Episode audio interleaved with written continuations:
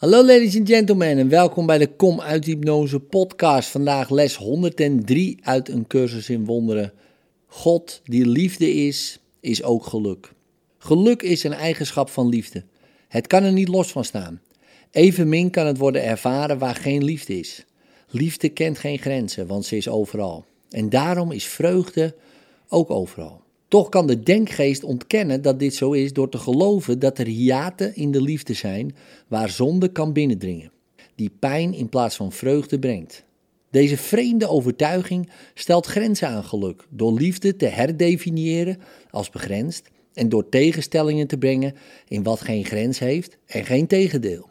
Dan wordt angst met liefde geassocieerd en het resultaat daarvan wordt de erfenis van denkgeesten die menen dat wat zij gemaakt hebben werkelijk is. Deze voorstellingen met waarlijk geen enkele realiteit getuigen van de angst voor God en vergeten daarbij dat Hij, die liefde is, wel vreugde moet zijn.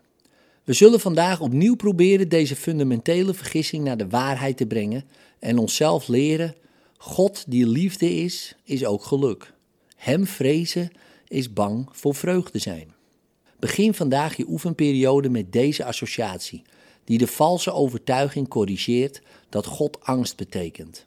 Ze benadrukt ook dat geluk jou toebehoort, op grond van wat Hij is. Laat deze ene correctie elk uur dat je vandaag wakker bent in je denkgeest worden aangebracht. Verwelkom dan alle geluk dat ze meebrengt wanneer waarheid in de plaats komt van angst en vreugde wordt wat jij verwacht dat de plaats inneemt van pijn.